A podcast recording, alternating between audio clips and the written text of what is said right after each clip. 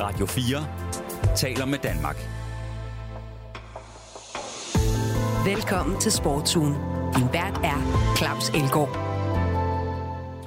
Så er der nemlig dømt sportsuge, og der er ingen grund til et uh, vartjek, for det er torsdag, det er Radio 4 kl. 13, og jeg hedder Claus Elgaard. Vi skal have rundet VM i fodbold af, både spillet på banen og hvordan reaktionerne har været i Katar efter slutrunden. Nicky Pedersen er udnævnt til landstræner for Speedway-landsholdet. Det er for mange både et overraskende og kontroversielt valg. VM i herrehåndbold lurer lige om hjørnet, skal Danmark vinde VM for tredje gang i træk som det første land nogensinde. Og så kigger vi frem mod, hvad vi kan glæde os til i det helt nye sportsår. Og der er andet at glæde sig til. Jeg skal nemlig også huske at sige, at vi kommer med en kavalkade. Vi laver en årskavalkade i næste uge.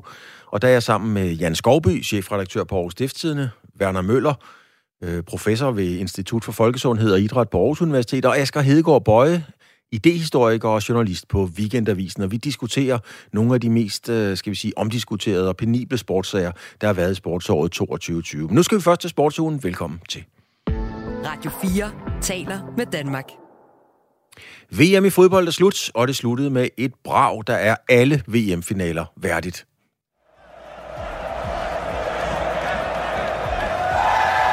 And in 2022, the world champions Argentina.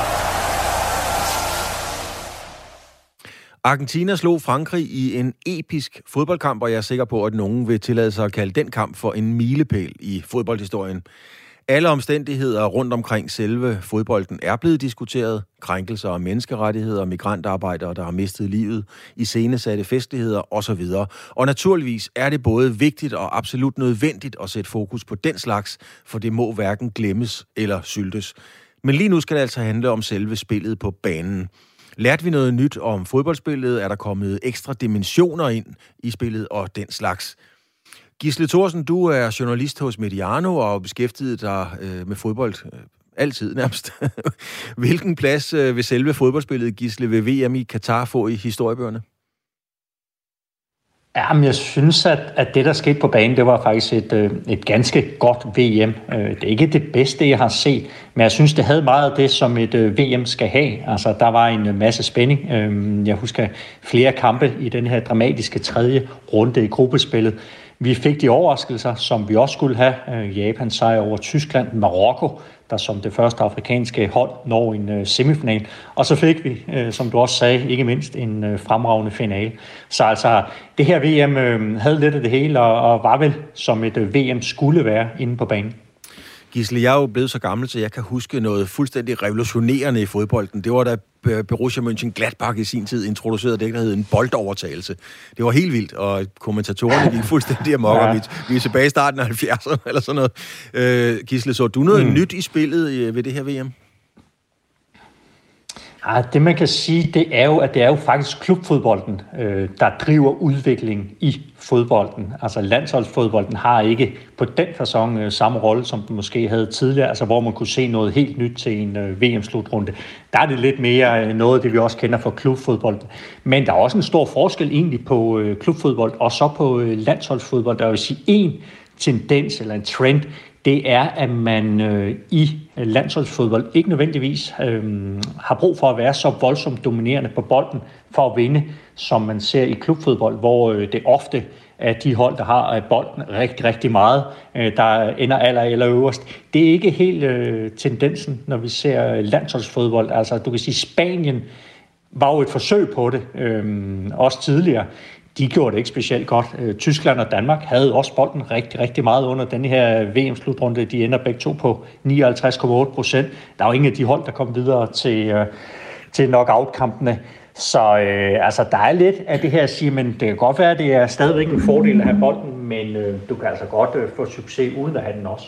Men er det så en anden, øh, Gisle, en anden spillertype, man udtager til landsholdet? Fordi så skal det jo være nogen, der er omstillingsklare, eller kan spille, øh, kan spille kontrafodbold og så videre, mm. formoder jeg. Ja, men det du kan sige omkring landsholdsfodbold, det er, at, at du er lidt mere nødt til at være en, en smule mere pragmatisk, vil jeg mene. Altså, hvor du kan sige på et klubhold, der kan du jo købe ind til den spillestil, som, øh, som du har på et landshold. Jamen, der har du, kan du kun vælge de spillere, der har øh, det pas, og så må man se, okay, hvilket materiale har du, og hvilken stil vælger du så at lave ud fra det materiale. Øh, Spanien var jo et eksempel på, der gik lidt den anden vej, og vil det hold, der sådan spiller næsten mest som et klubhold, altså hvor Luis Enrique har en meget veldefineret øh, tiki-taka-stil, øh, hvis vi skal være lidt grov, i hvert fald meget med possession, og han udtager ikke nødvendigvis det, som vi andre vil sige er de bedste spanske spillere, men han udtager dem, som passer bedst til den stil, han gerne vil spille. Og man må sige, under den her VM-slutrunde, der virkede det i hvert fald ikke. Så er der nogle andre lande, vi har set, der har haft en lidt anden tilgang, en lidt mere pragmatisk, øh, som man kan kalde det, altså Marokko, øh, som det bedste eksempel, synes jeg næsten, der med en, øh, en lidt anden stil fik øh, stor succes. Øh, er der så en tendens til, at det bliver en, en anden spillertype, som, øh, som vil dominere i fremtiden? Altså nogle andre end med alt respekt end den klassiske tier, som en Christian Eriksen osv.? Er det, er det en anden type, der kommer ud af samlebåndet? Ja, men den tendens, der er i fodbold, det er, at lige nu, der, der foregår det altså meget ude på kanterne. Øhm, det er derude, at du prøver at skabe noget. Så den type, der er brug for, det er, det er atletiske spillere, fordi altså, du skal jo både være, være god øh, til at presse, men du skal så sandelig også kunne nå den anden vej. Øh, så altså hurtige atletiske spillere, det er, det er det, som øh, alle de efterspørger. Altså dem, der kan, kan ligesom lave en forskel, gøre en forskel, fordi holdene i dag er jo ufattelig gode til at øh, organisere, sig. Øh, så hvis du ligesom skal prøve at bryde et hold ned, så kræver det, at du har en spiller, der en mod en kan gøre en forskel. Er det så nogle typer, som, øh, ja, hvem kan vi komme i tanke om? Er det en Jesper Grønkær? Ja, det kunne måske endda være en John Sivbæk, der kunne være, der kunne være i spil til sådan nogle pladser i dag. Ja, du kan sige, det, det nærmeste Danmark havde, det er, eller har, det er jo Andreas Skov Olsen. Altså, du kan sige, nu havde han så ikke nogen særlig god slutrunde, men det er jo den type, som man ønsker at have. Øh, hurtig, øh, driblestærk, kan, kan noget på egen hånd. Altså, det er jo, det er jo det er jo sådan en fyr, man skal kigge efter, og sådan en fyr, man skal håbe på, der har en øh, god VM-slutrunde. Det havde han desværre ikke, øh, men ellers der kan vi se, at de hold, der har succes, jamen, de har altså spillere, der, der kan gøre en forskel individuelt. Øh, altså bedste eksempel, øh, ja, Lionel Messi, men, men Mbappé skal jo selvfølgelig også nævnes. Ja, Messi er jo øh, i sagens natur et kapitel for sig selv. Hans betydning for, for Argentina er indiskutabel, indiskutabel Gisle, men, men hvad, hvad, hvor stor er hans mm. betydning for selve fodbolden? Den er, jo, den er jo stor i fortællingen, altså det her med, at han også med den her finale triumf er trådt helt op, øh, i hvert fald i, øh, på siden af, af Diego Maradona, så kan man diskutere, om han er, han er større end Diego Maradona, men han, hvis vi ser den bedste spiller, der har været, øh, så er der, kan der være andre meninger om, hvem der er den største, men den bedste, det er øh, Lionel Messi, og det her med, at han har været på toppen i så mange år. Altså han spillede sin første VM-slutrunde tilbage i 2006 i Tyskland. Um, det, det viser jo også lidt om, om, om den karakter, han er. Altså hvor andre, de kan, de kan brænde ud lidt hurtigere. Ronaldinho, øh, Diego Maradona også, der havde en lidt anden livsstil. Der har Messi altså bare holdt den kørende i så mange år, og han har jo nærmest slået alle rekorder, der er at slå. Så altså når øh, historien om fodbolden skrives, om det her århundrede, om det her årtusind, jamen så er Messi jo en mand, der får sit helt eget kapitel. Altså, det er jo selve fortællingen omkring fodbolden, som jo også er interessant, og, og uden at afsløre, om jeg holder med Brasilien eller ej, men så på et eller andet niveau, så er det jo også vigtigt, at Brasilien en gang imellem bliver verdensmester, for at bevare magien omkring mm. det. Er, er, er Messi med mm. til at bevare denne her magi omkring fodboldspillet? Ja, det synes jeg, han er, fordi at nu nævner du Brasilien, men det er jo også vigtigt, at Argentina indimellem øh, vinder en slutrunde, fordi det er jo altså også et af, af de helt store lande. Du har fuldstændig ret, vi kan ikke forestille os et VM uden Brasilien. Altså, de skal med, og de har også været med hver eneste gang, men øh, Argentina er jo også næsten helt deroppe. Øh, og det er jo også det her med at sige, men det er jo også rart at se, at der er et øh, sydamerikansk hold, der, der vinder en slutrunde. Der var altså gået nogle år siden det seneste skete. Det var i 2002 med Brasilien. Argentina skulle helt tilbage til 1986 med Diego Maradona for at finde deres øh, seneste sejr. Så, så det er jo forfriskende, at du ser, øh, at der kommer øh, hold også fra Sydamerika, der kan byde de store europæiske nationer trods. Altså, hvis man lige ser bort fra VM-finalen, og det kan man jo reelt ikke, men det var, der var mange kampe i, i slutrunden her, Gisle. Var, mm. var denne her slutrunde mm. en sejr for selve fodboldspillet? Jamen, jeg synes faktisk, det var en, øh, en, en, en en god slutrunde, hvis vi ser det på øh, den fasong. Så kan man jo di- øh, diskutere, hvad synes vi er god fodbold. Øh, men jeg synes, det var en god slutrunde for fortællingen om fodbold, altså det her med, at vi har Marokko, der som det første afrikanske hold når semifinalen. Vi har øh, Japans overraskelse mod Tyskland, altså en, en slutrunde uden overraskelse er ikke en, en god slutrunde for mig. Altså det er jo også noget af den her fascination, det er jo også derfor, vi ser det. Altså der bliver jo skrevet nogle eventyr, vi ser også øh, store historier med det iranske landshold og alt, hvad der fulgte øh, med dem. Så altså, der, der var de her fortællinger, som et øh, VM har brug for, og så bliver det jo så toppet af den ypperste fortælling af dem alle, at, at Lionel Messi i sin femte og sidste VM-slutrunde endelig får det ene trofæ, han manglede VM-slutrunden, og dermed gør det, som Maradona gjorde i 1986, nemlig to Argentina hele vejen. Og her til sidst, øh, Gisle Thorsen, du er jo altså fodboldjournalist hos, hos Mediano. Gisle, hvad, hvad, vil, hvad vil du huske det her VM for? Og nu tager vi så alle omstændighederne uden for banen med også. Mm. Ikke at det er dem, jeg indikerer, du skal pege på, men, men hvad vil du huske det her VM for? Uha, altså jeg vil huske det for, at det aldrig skulle have været øh, lagt i Katar. Det var en kæmpe skandale, at, at FIFA valgte at placere øh, VM i Katar der. Eller VM i Katar. Øh, så vil jeg huske det for... Øh, det danske One Love armbind, som, som de ikke tog på. Øhm, jeg vil huske det for al den polemik, der var. Øh, jeg vil huske det for Iran. Øh, jeg vil huske det for Marokko. Og så vil jeg ikke mindst huske det for øh, Lionel Messi og den finale, vi så. Altså, det er, jeg kan ikke huske et andet VM, hvor den sidste kamp også har været den bedste kamp. Altså, det var finalen, der blev ved med at give. Så altså, den der finale, den står også meget, meget stærkt i, i mine erindringer, og vil gøre det i rigtig mange år. Det er du ikke om, Gisle Thorsen, fodboldjournalist Mediano. Tak fordi du har tid til at være med. Velbekomme, Claus. Du lytter til Radio 4. VM i Katar er altså slut. Messi og resten af Argentina kan igen kalde sig for verdensmestre. Vi fik en VM-finale, som går over historien på mange måder. Og på tilskuerpladserne til netop den finale, der havde vi vores mand i Mellemøsten velkommen igen, og vil nok i sidste gang i denne her omgang, når det handler om VM-fodbold, øh, Søren Førby. Allerførst, hvordan var det egentlig at sidde på, øh, på Lusail Stadion i, i søndags? Jamen, det var, det var fuldstændig sindssygt at, at sidde der sammen med, jamen, sammen med 89.000 andre mennesker, primært Argentina, og som du nævner, så sidde og se en, en kamp, som man godt vidste, selvom man sad på tribunerne, så vidste man godt, okay, jeg er en del, det, jeg er vidne til noget, til noget verdenshistorie her. Mm. Hvad tænker man, nu er det jo slut, øh, lysene er blevet pakket ned, og der er ved at blive støvsuget. Hvad tænker man om slutrunden i Katar her på bagkant? Jeg tænker egentlig, at man synes, at det, at det her det har været en, en kanon succes. Øh, I flere lokale medier, der bliver VM i Katar beskrevet som the best World Cup ever. Altså noget, som FIFA-præsident Infantino i øvrigt også har kaldt den, øh, ligesom han gjorde det tilbage i 18 i, i Rusland. Men det virker meget til, at man føler, at, at VM har gjort det, den skulle. Altså Katar har vist sig flot frem, uden de helt store uroligheder til VM, og øh, som man nogle gange ser under, under slutrunder. Og samtidig har det også vist den her arabiske kultur. Det har også været rigtig vigtigt for dem, ligesom at sige, at det her det er første gang, det er i et arabisk land. Vi vil gerne vise den arabiske kultur frem, i stedet for at vi kun ser, øh, ser pølser og øl, som man i øvrigt øh, normalt gør til, til VM-slutrunder. Og så er der også noget, der særligt går igen, det er den her fortælling om, at rigtig mange før slutrunden tvivlede på Katar som værtsland. Ikke kun på grund af øh, krænkelser af menneskerettigheder, øh, homoseksuelle og, og migranter, men simpelthen også fordi, at, at Katar det er et land uden den helt store fodboldhistorie, og det er et land på størrelse med, med Sjælland.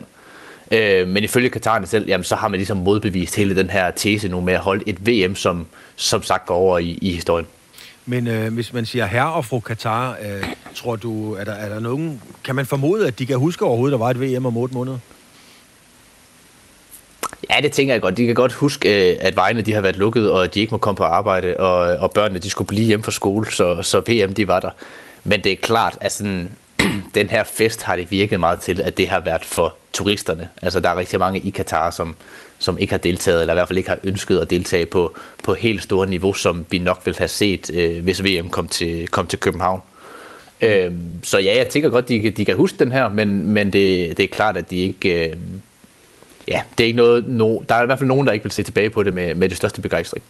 Hvis nu vi bliver ved, undskyld, øh, undskyld for, at vi har hostet lidt her. Hvad, hvis nu vi bliver ved det med, med at tænke tilbage, hvad er holdningen været til... Der har jo været massiv kritik, ikke bare fra Danmark, men fra hele verden. Altså, hvad er holdningen været til, til al den kritik, som landet har været udsat for, borgerne har været udsat for? Har det været en god idé generelt, tror du, at de tænker? Altså her fra Katar, de, de har ligesom købt fortællingen, i hvert fald dem, jeg har snakket med, både i Katar, men også i, i Saudi-Arabien, i, i nabolandet. Jamen, de har købt den her fortælling, som Katars regering, de har, de har vil fremelske. Det her med, at al kritikken, jamen det bunder egentlig bund og grund i løgne, og det er på grund af racisme. Det er fordi Katar det er et arabisk land, og så er der nogle europæere, der ikke synes, at, at fodbolden hører til her, og derfor fabrikerer man de her løgnhistorier. Så det har bare været fortællingen om, om kritikken i Katar, at det simpelthen er løgn. Så derfor har man jo også synes, jamen det har stadig været det værd, fordi de kan se på bagkant, at historier om krænkelser af menneskerettigheder er både den ene og den anden slags, jamen den har, øh, den har ikke rigtig fyldt under hele VM, som den gjorde før VM. Så jeg tænker, at, at her på bagkant, så, øh, så VM forløbet som, øh, som øh, regeringen i Katar, og som her fra Katar gerne ville have haft. Altså, der har ikke været de store stakke om kritik under VM, og, øh, og det har mere været fodbold, man har snakket om, og de fede stadioner og de store mål og, og, og det, det hele, og det bliver selvfølgelig kulmineret med den her finale øh, i, i søndags, hvor det hele går op i en højere enhed, og man glemmer fuldstændig alt om øh, korruption og menneskerettigheder og det ene og det andet, men man husker Messi øh, løfte pokalen til sidst. Jamen lad os lige blive ved det der med, at han løfter pokalen, fordi at noget, der har været meget opmærksomhed på herhjemme og i mange andre lande, det var jo netop, da Messi løfter pokalen, så bliver han påført, eller der er nogen, der lægger den her gennemsigtige kåbe øh, omkring ham på ham. Hvordan blev det modtaget på stadion?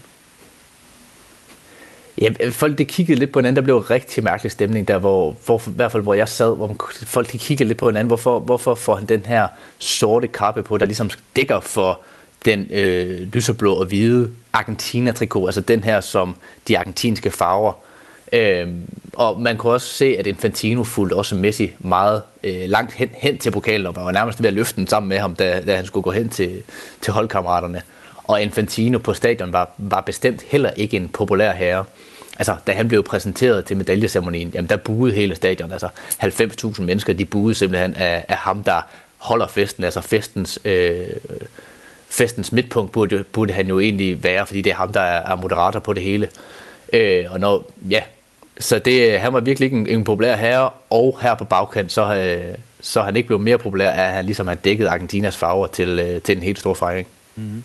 Altså under slutningen har du, øh, under slutrunden her, har du jo også været i Saudi-Arabien, og lige nu forlyder det, skal vi sige, at, øh, eller der, der er snak om, øh, reelt snak om, at man vil byde ind på VM i 2030 sammen med Grækenland og Ægypten, altså tre lande om det.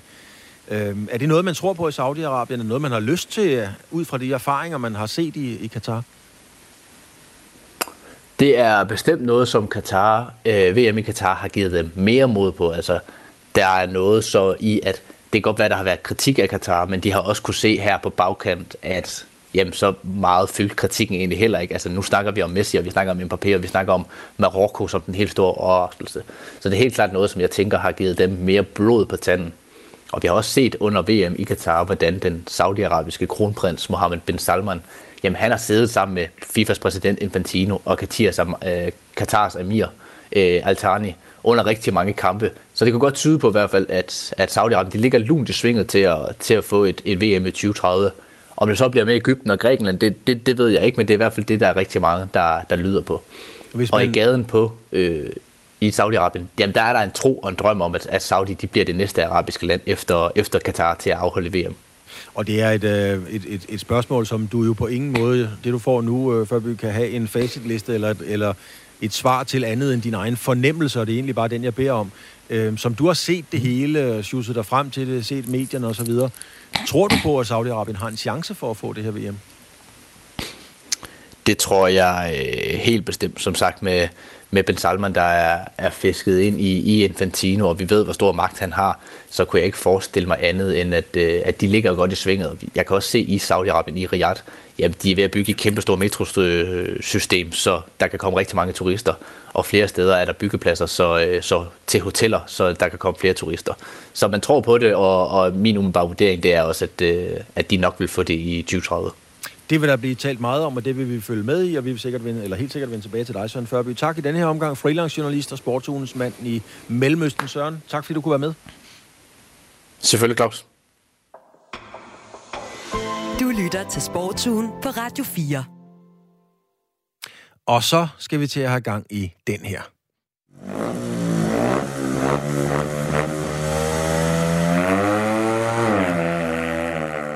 Og det skal vi, fordi at Nicky Petersen skal være ny træner for det danske Speedway-landshold, og det er kommet som en overraskelse for mange. Nicky Petersens meritter på banen er ganske enkelt imponerende med VM-titler i 3, 2003, 7 og 8.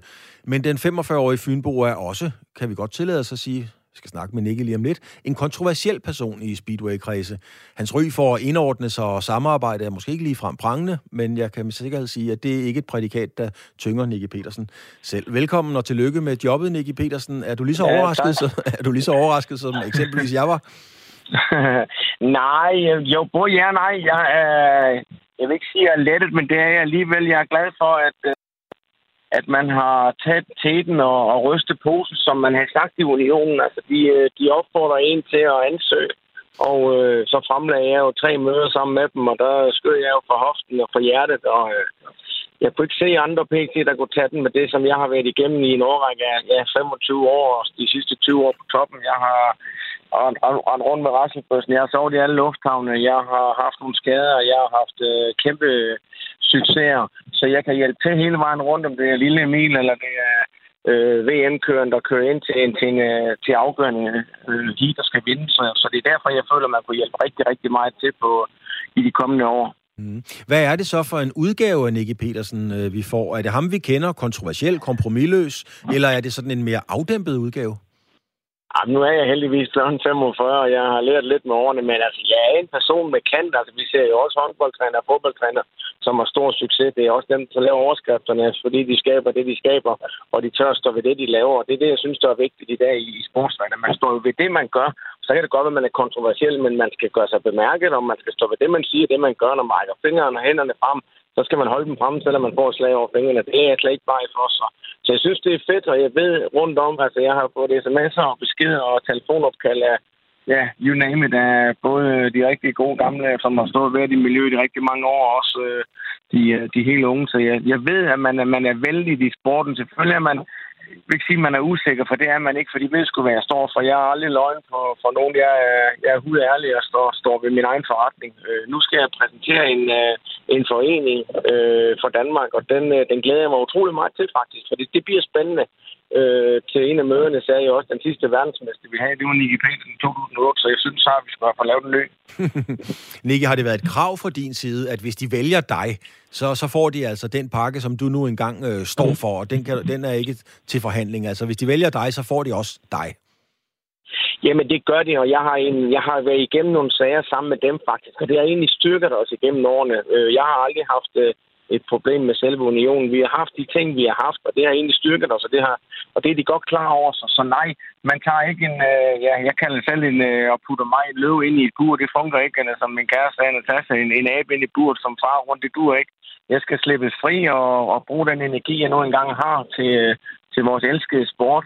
Og øh, det, det, det glæder jeg mig til, og det har de været fuldstændig klar over, også i og med, at jeg stadigvæk er aktiv kører. Jeg har fingeren fuldstændig på pulsen, hvad der foregår. Og den hele den pakke vil de gerne være med til. Jeg sagde også, det kan ikke hjælpe noget, hvis der, hvis der sker eller opstår noget, at, at øh, unionen kigger til højre, og de peger til venstre, hvor, hvor jeg står. Det, det er noget, vi gør sammen, at vi løser det sammen. Så, så der er masser af energi i unionen. Jeg har fået dem op, op af stolen også på en fed måde, og så øh, vækker man også ligesom interessen til sporten igen, hvis den er ved, ved i, i dalende fald. For man må indrømme, at når, når jeg siger noget og gør noget, så, så lytter folk sgu lidt efter os i, i pressen. Så det, det er jo egentlig dejligt, det man har opnået igennem årene. Nicky, hvad er det for nogle ambitioner og visioner, du så træder ind i jobbet med? Jamen, først og fremmest respekt for hinanden og ærlighed. Jeg tør at prikke dem lidt på maven, gutterne, og så spørge ind til, hvad de rent faktisk øh, ønsker af resultater. For det kan jo ikke hjælpe noget, at, at jeg har store visioner og ambitioner, hvis det er, at de ikke selv vil det. Så, så jeg skal spørge hudløst ind til, at de skal være ærlige til mig, så jeg kan hjælpe dem. Og så er der ingen tvivl om, så vil jeg gerne skabe medalje til Danmark. Øh, og det gør man ved, at vi laver et sammenhold. Jeg føler ikke, at vores teamspirit den har været god nok de sidste par år på dem, der har kørt på hold sammen. Øh, jeg har heller aldrig altid været den bedste holdkører, men jeg har været en suveræn holdkører, snart vi kørte med Dannebro på brystet. Så gør vi det altså for Danmark, og så har vi altså brug for hinanden, de fem mand, der nu er på holdet. Og det er vi gode til. Det synes jeg, vi skal tilbage til. Så det vil jeg bruge fattig meget energi på, at vi gør det her sammen, for vi har brug for hinandens point alle sammen. Og så kan vi skabe resultater, og så kan vi have det sjovt. Uanset om man er ude på sidelinjen, eller man er inde, inde i heaten, så er vi der altså for hinanden, fordi man er nomineret til det hold. Øh, Nicky, hvad er egentlig din vigtigste opgave? Er det at motivere kørerne, eller lære dem at køre på cykel? Jamen, det, for, det kommer an på, nu skal vi sætte os igen den 3. januar og lige slutte alle tingene igennem. Vi skal op med nogle bolde i luften, og de skal ned i de forskellige kasser. Øh, så så det, det, det er en bred aspekt, og jeg kan egentlig være med på, på alle på alle parametre, så det er det, vi skal finde ud af, hvor skal min energi ligge. Men, men det, som de lagde op til i starten, det er, at jeg skal ud i marken. Jeg skal ikke sidde administrativt bagved øh, hele tiden. Jeg skal ud i marken og bruge den energi, jeg nu kan. Og nogle af dem skal lære at køre, nogle af dem skal justere deres cykler til. Øh, og det er det, jeg skal, jeg skal hjælpe til. Så skal jeg også ud med, med Rasselbøssen. Vi skal have fundet hovedsponsor til det danske land, så det har vi ikke haft tidligere, så vi kan få noget økonomi til, at vi kan lave en ny verdensmester. Også efter, at, øh, at dem, som er i toppen nu af dansk speedway, der kommer nogle nye, som kan slå til. Så, så der skal bruges nogle penge på det her. Det koster lidt. Nicky, når der kommer en ny træner, nu har lige været VM i fodbold, når der kommer en ny træner på et fodboldhold, så kommer der ofte også en ny måde at spille kampene på, en ny uh, taktik. Er ja. der en ny kørestil på vej uh, fra dig, måske mere aggressiv eller et eller andet? Ja, jeg vil sige, at man kører, man kører toft i dag. Øh, man kører hårdt på hinanden. Øh, førhen der var det lidt mere flink i skolen, så var der på enkelte øh, hårde bananer i blandt. I dag så bliver der altså gået til stål. Det er, nogle, øh, det er nogle generation, der bliver altså gået til det, indtil øh, ja, man næsten rammer hinanden og skubber lidt til hinanden. Det kan man også i vores sport.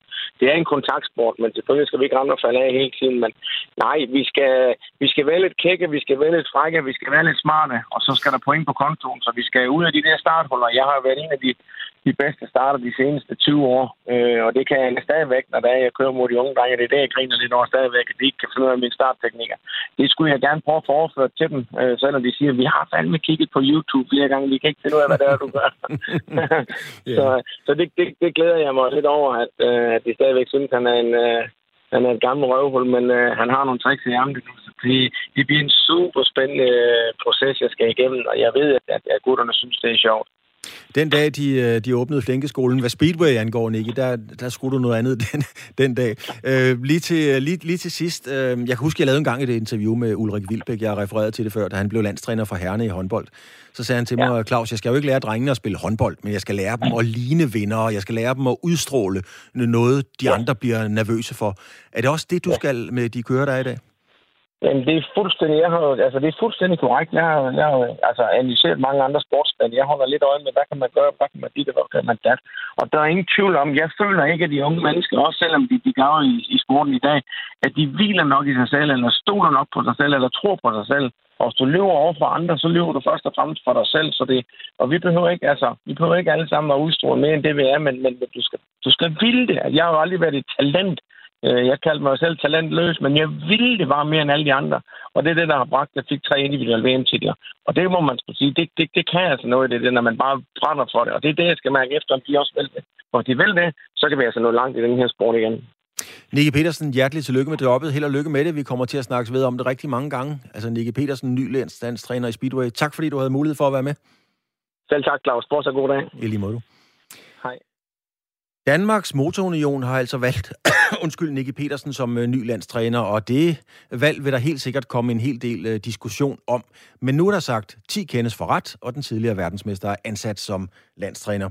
Jørgen Bets, du er formand i Danmarks Motorunion. Øh, det er helt enkelt spørgsmål. Hvorfor valgte de Nicky Petersen? Jamen, det er jo, du vil sige, øh, og først og fremmest tak for det, at få lov til at, at med, være med i jeres program, men når man så sådan øh, lytter en lille smule til også, hvad, hvad Niki fortæller allerede nu, jamen, så er det helt klart, at øh, det her engagement og den her vilje til, jeg vil det her, jeg vil være med til at, at gøre noget bedre, jamen det var virkelig en af de ting, vi lagde mærke til helt fra start, da vi havde de første samtaler. Så det er i hvert fald nogle af, en af de helt klart de primære årsager. Og, der er selvfølgelig en masse andre årsager også, som vi nok kommer tilbage til om lidt.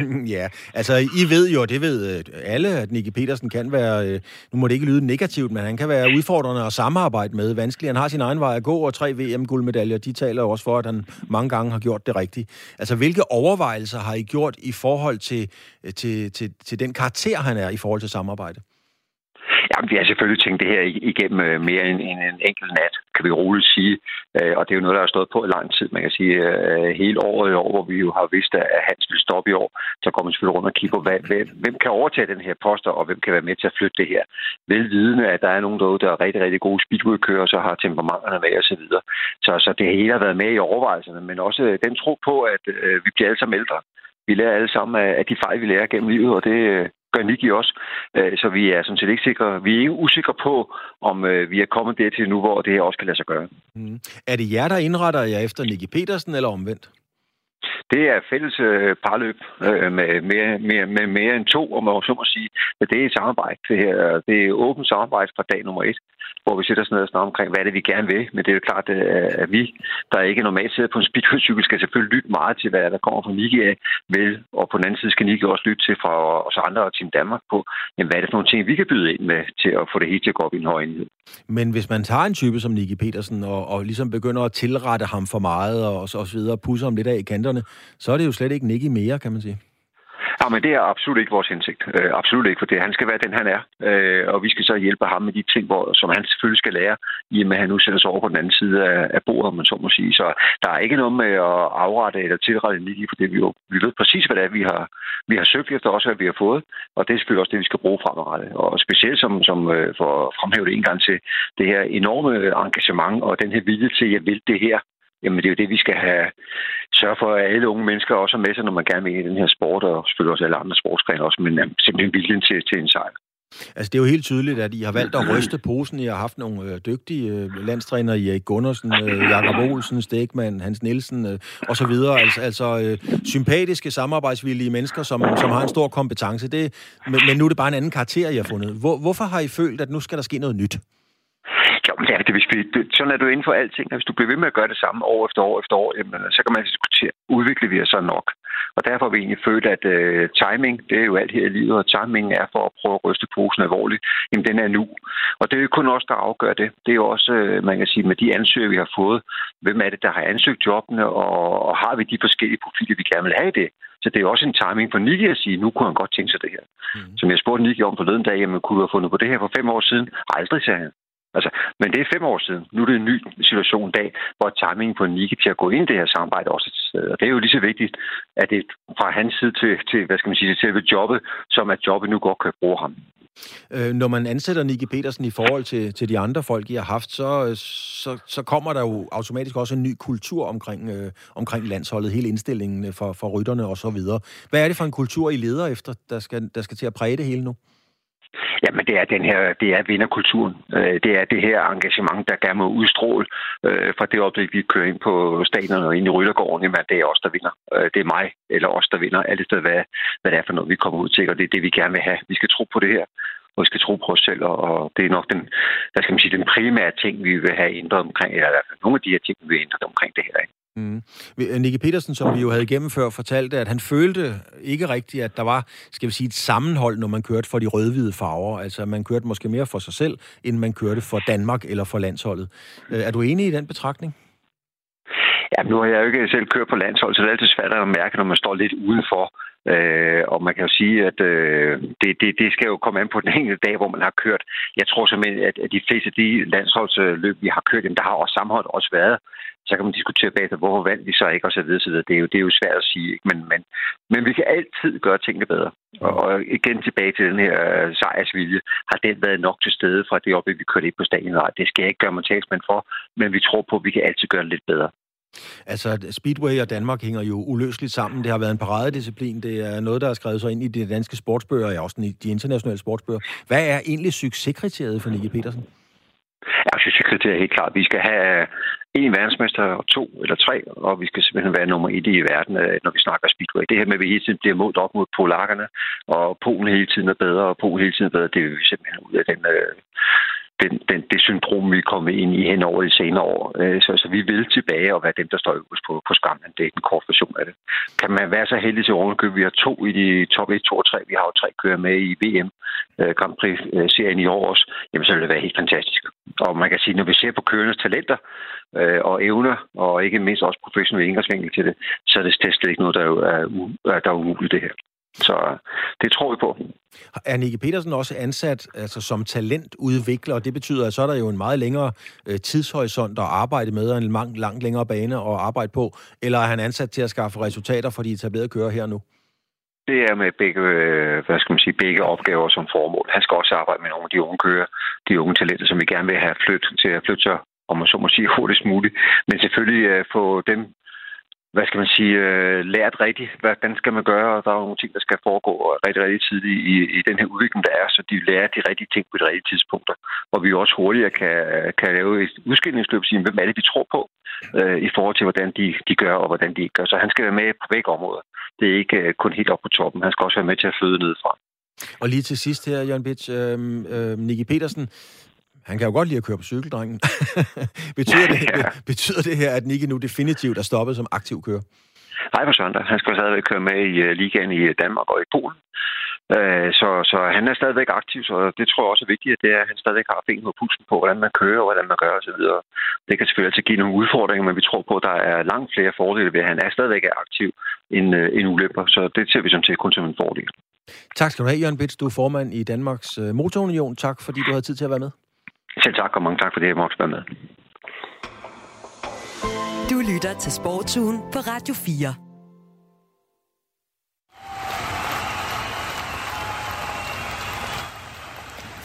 De danske håndboldherrer vandt VM i både 2019 og 2021, og nu banker næste VM-slutrunde så på døren igen. 23 udgaven skal holdes i Polen og Sverige fra den 12. til den 29. januar næste år. Danmark blev verdensmester i herrehåndbold for første gang, da Nikolaj Jakobsen og spillerne vandt på hjemmebane. Det var så i 19, og bare to år senere, ja, så genvandt de danske håndboldherrer titlen, og dengang var det så i Ægypten. Nu kan Danmark blive den første nation, der vinder VM tre gange i træk. Kenneth Thyssen, journalist og souschef på Jyllandspostens øh, sportsredaktion. Du følger jo håndbolden meget tæt og har været øh, med her mange gange omkring de samme emner. Nu har Mikkel Hansen og Kos vundet de seneste to gange. Hvad er reelt vores chance for at tage VM-guld for tredje gang i træk? Jamen, der er der meget gode chancer for det. Det er jo et fremragende landshold med øh, verdens officielt bedste træner. Så jeg, jeg tror da ikke, der er, der er mange hverken i dansk eller international håndbold, som, som betvivler, at Danmark er blandt favoritterne. Men øh, ja, jeg synes, der er nogle spørgsmålstegn ved, ved det nuværende landshold, som der måske ikke har været i, i 2021 og, og i 2019. Og hvad er det for nogen? Det synes jeg blandt andet er øh, Mathias Gissel og Henrik Møllegaard, Rasmus Lauke, Mikkel Hansen, Niklas Landin, nogle af de allerbedste og vigtigste spillere på landsholdet, som har haft et øh, efterår, der har været lidt blandet. Øhm, de fleste, der har fulgt med i, i Aalborgs sådan en succes-rate, har jo også set, at Mikkel Hansen er kommet hjem, og øh, det har været en blandet fornøjelse for ham. Øh, han øh, skulle komme tilbage efter en blodprop og havde ikke trænet i, i lang tid, inden han begyndte i Aalborg, og det er ikke, jeg tror ikke, det er gået, som, som Mikkel Hansen eller Aalborg har ønsket så so far med ham. Så er Mathias Gissel som en af de allervigtigste. Han har været skadet i, i noget tid i Bundesligaen i Bened Berlin, og øh, Niklas Landin har spillet en fin halv sæson, men er ikke på, på sådan Niklas Landin-niveau, øh, vil jeg mene i øjeblikket. Øh, og så kan du blive på nogle af de der sådan, nøglespillere, at jeg, jeg tror, der er nogen, der vil sige også, at det er, øh, det er nogle spillere, som ikke er, hvor de lige plejer at være. Men hvad kommer det til at betyde? Fordi vi har lige set et, et, en fodboldslutrunde her. Det er jo...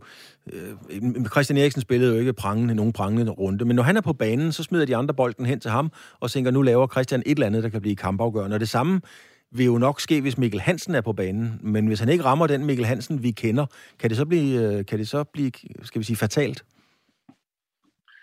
Det kan det da sagtens blive, og det er da også interessant at tænke på, hvad, hvad sker der, hvis nu, at øh, Mikkel Hansen, som er den ubestridte stjerne og den bedste, der nogensinde har spillet håndbold i Danmark, øh, hvis han ikke får den rolle og kan levere med den kvalitet, man er vant til, hvordan kommer det så til at fungere?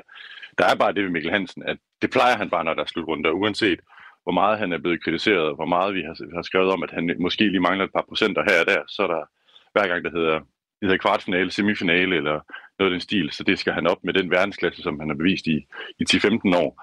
Øh, men, men problemet for landsholdet, og det ved jeg ikke om er et problem, men det er i hvert fald en udfordring, der er nu, det er, at det er ikke kun Mikkel Hansen, som har haft en lidt vaklende optakt. Øh, men når du spørger Nikolaj Jacobsen, landstræner, om det, så afviser han jo enhver bekymring. Mm.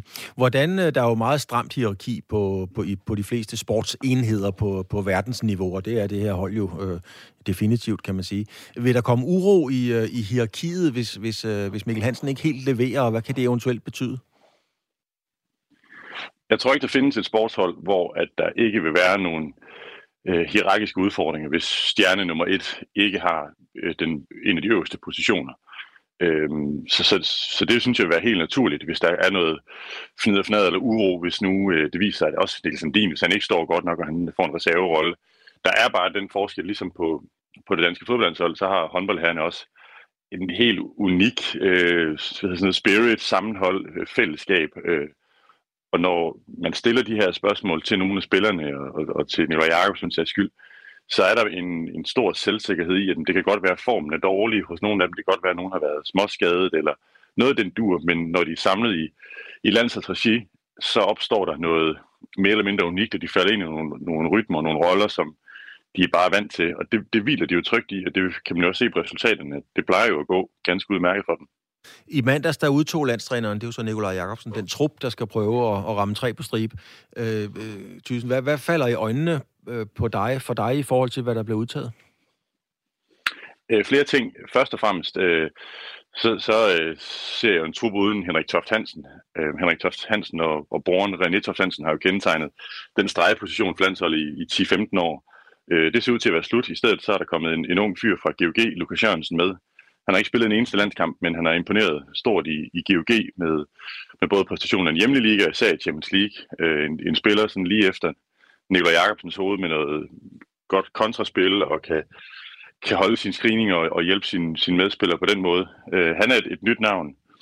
Øh, så er der et par andre debutanter også, men jeg synes jo sær øh, Simon Pytlik med det kendte efternavn han er et, et, et navn, som øh, uden tvivl kommer til at fylde, til, fylde mediebilledet omkring landsholdet i de næste mange år, måske allerede øh, i januar. Han er, øh, han er helt suveræn at se spille i øjeblikket, og for dem, der så håndbold i går med, med GOG i, øh, i sejrsrollen mod Aalborg i kvartfinalen i, i pokalturneringen, han var unik igen, øh, og jeg tror, at han kommer til at spille en rolle ved VM, som er nok større, end, øh, end man lige går og, og regner med.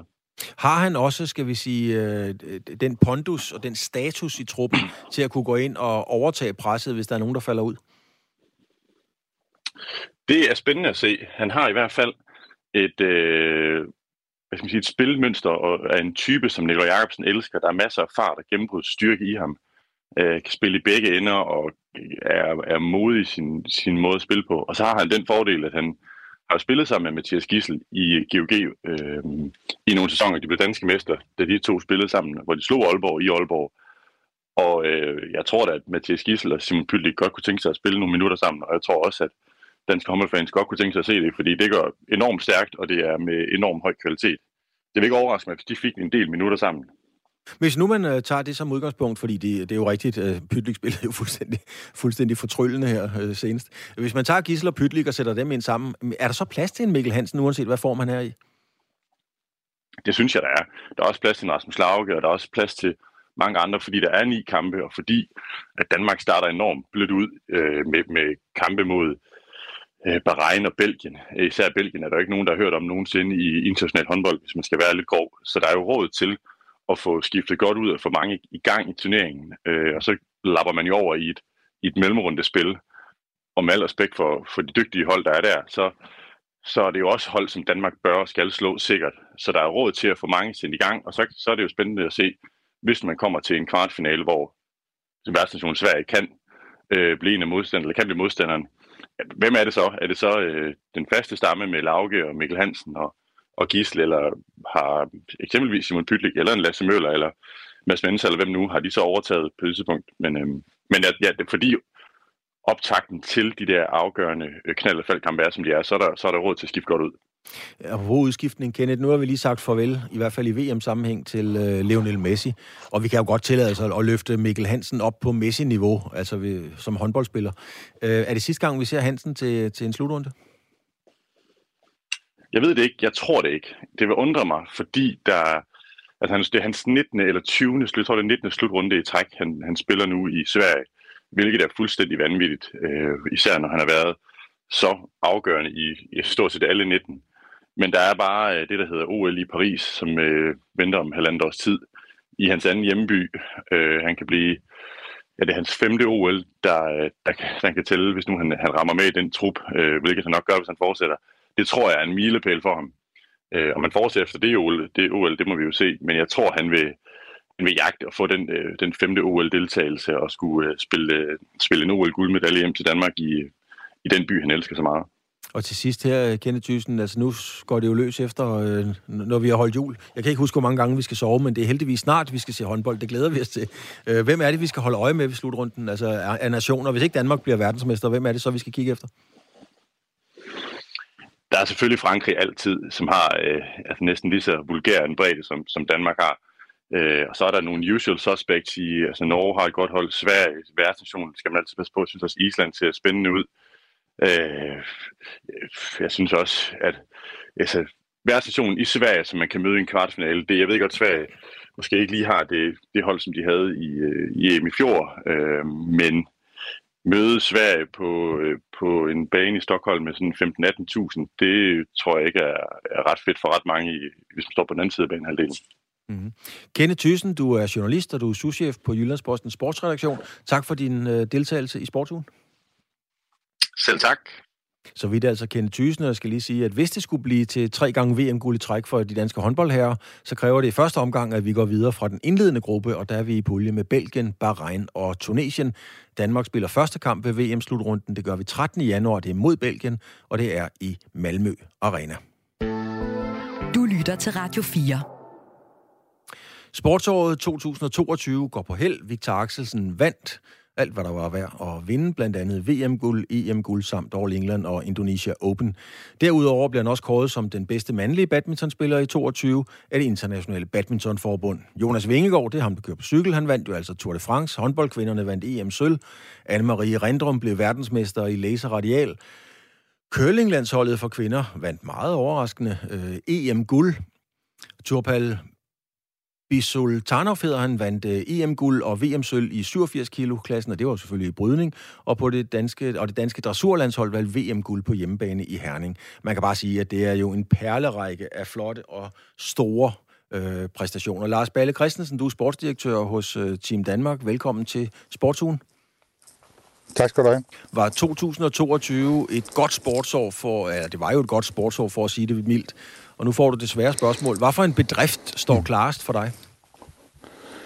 Ej, jeg synes jo, der, er jo, der foregår en koring i Herning her om, om et, nogle uger, øh, hvor tre af de navne, du nævner her, har gjort det helt fantastisk. Altså Victor Axelsen, øh, jo stort set vundet alt, hvad han har stillet op i hele sæsonen. Vingegaard, fast, fantastisk præstation igennem tre uger i Tour de France.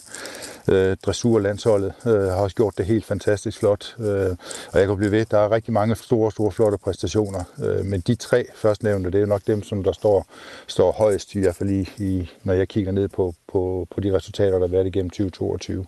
Og Balle, det er også fejt at spørge, hvilke af sine børn man bedst kan lide. Det kan man jo selvfølgelig ikke få et svar på.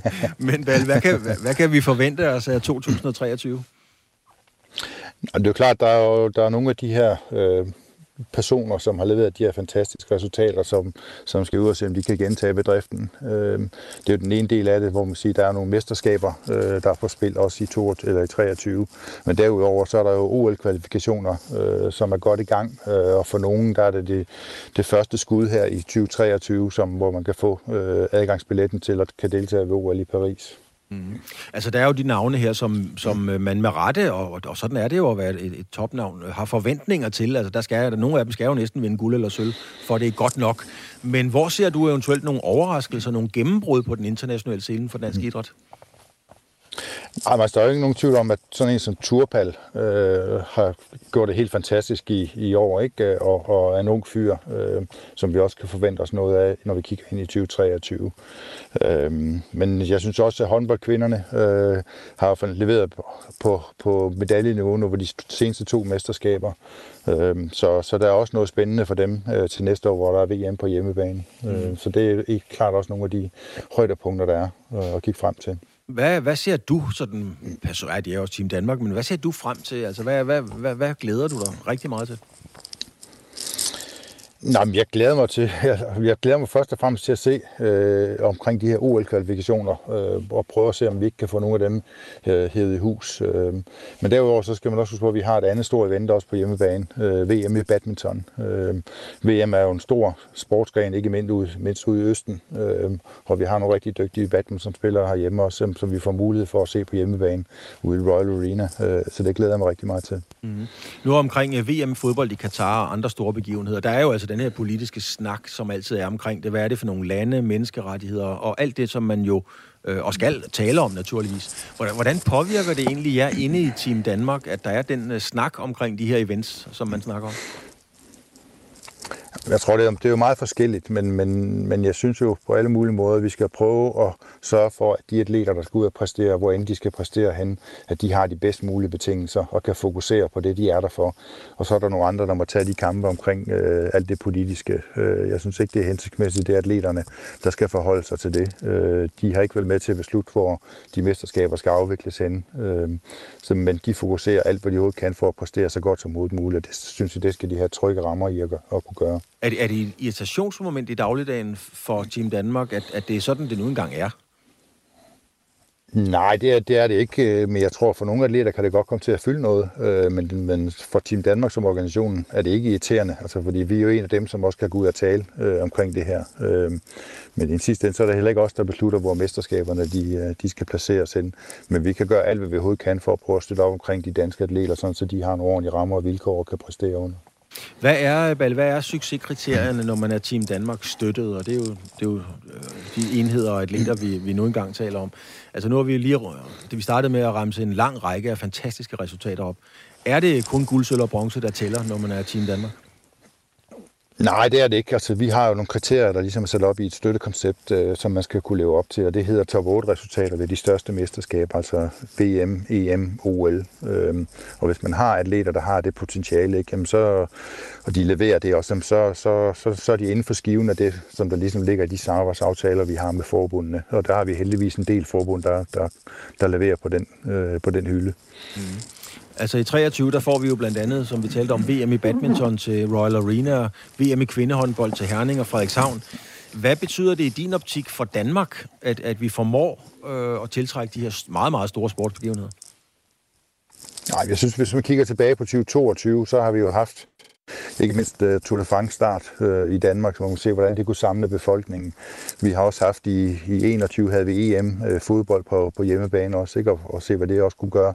Så det der med, at vi kan samle nogle af de der store begivenheder, og få samlet danskerne og vise frem, hvad det er, vi egentlig kan. Uh, på, på eliteidrættens side. Jamen det, det, er jo altså, det er noget, der betyder rigtig meget. Øh, det betyder rigtig meget for atleterne, men det betyder også rigtig meget for danskerne, kan vi se, at, at vi har atleter, som kan være med til at præstere øh, på højeste niveau, og så vi får lov til at vise det frem også på hjemmebane. Men hvad er det så, Bal? Hvad er det så, danskerne kan, når du siger det der, at vi, skal, at vi kan vise, hvad vi kan? Hvad, hvad er det reelt, vi kan? Nå, jeg synes også, der er jo hele den danske kultur, det der med, at vi står sammen øh, og, og får det bedste frem i os, altså, hvor vi støtter hinanden øh, på alle mulige måder. Altså det der med, altså fodboldhold, landsholdet, som, som jeg kan sige, hvis du tager individ for individ, øh, er måske ikke øh, det stærkeste hold øh, altid, men, men det der med, at man får holdet til at spille sammen, altså det, det, det, det synes jeg, det, det er noget specielt dansk. Altså, vi er rigtig gode til at prøve at få det bedste frem i hinanden og støtte hinanden. Øh, og det kan vi få lov til at vise frem også på PM-banen øh, næste år, blandt andet ved badminton og ved, ved kvindehåndbold.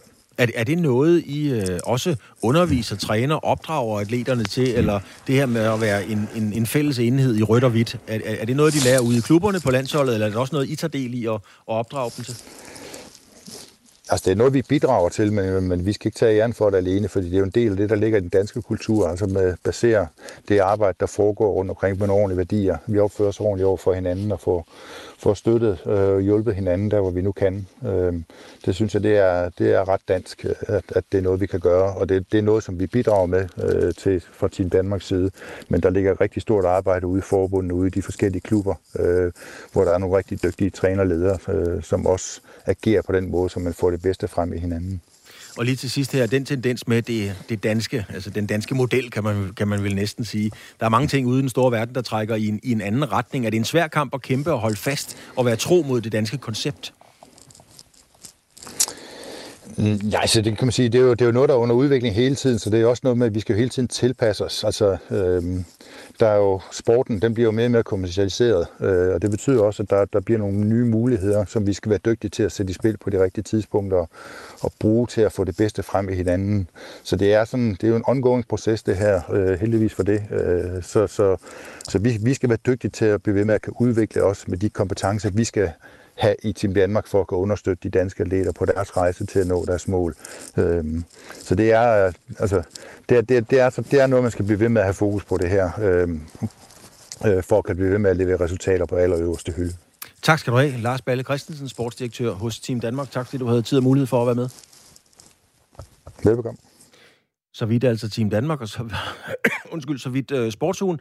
Vi har været omkring øh, uh, VM i håndbold. Tre VM-guldmedaljer i træk. Nu skal vi lige vinde den første, ikke? Men uh, de starter i, i Polen og Sverige, og det gør de uh, efter nytår. Vi hørte om Nicky Petersen, der skal være ny landstræner. Kontroversielt valg, modigt valg. Det må vi se, hvordan det går. Nu skal vi høre, hvad der sker ude i den store verden, for der er nyheder.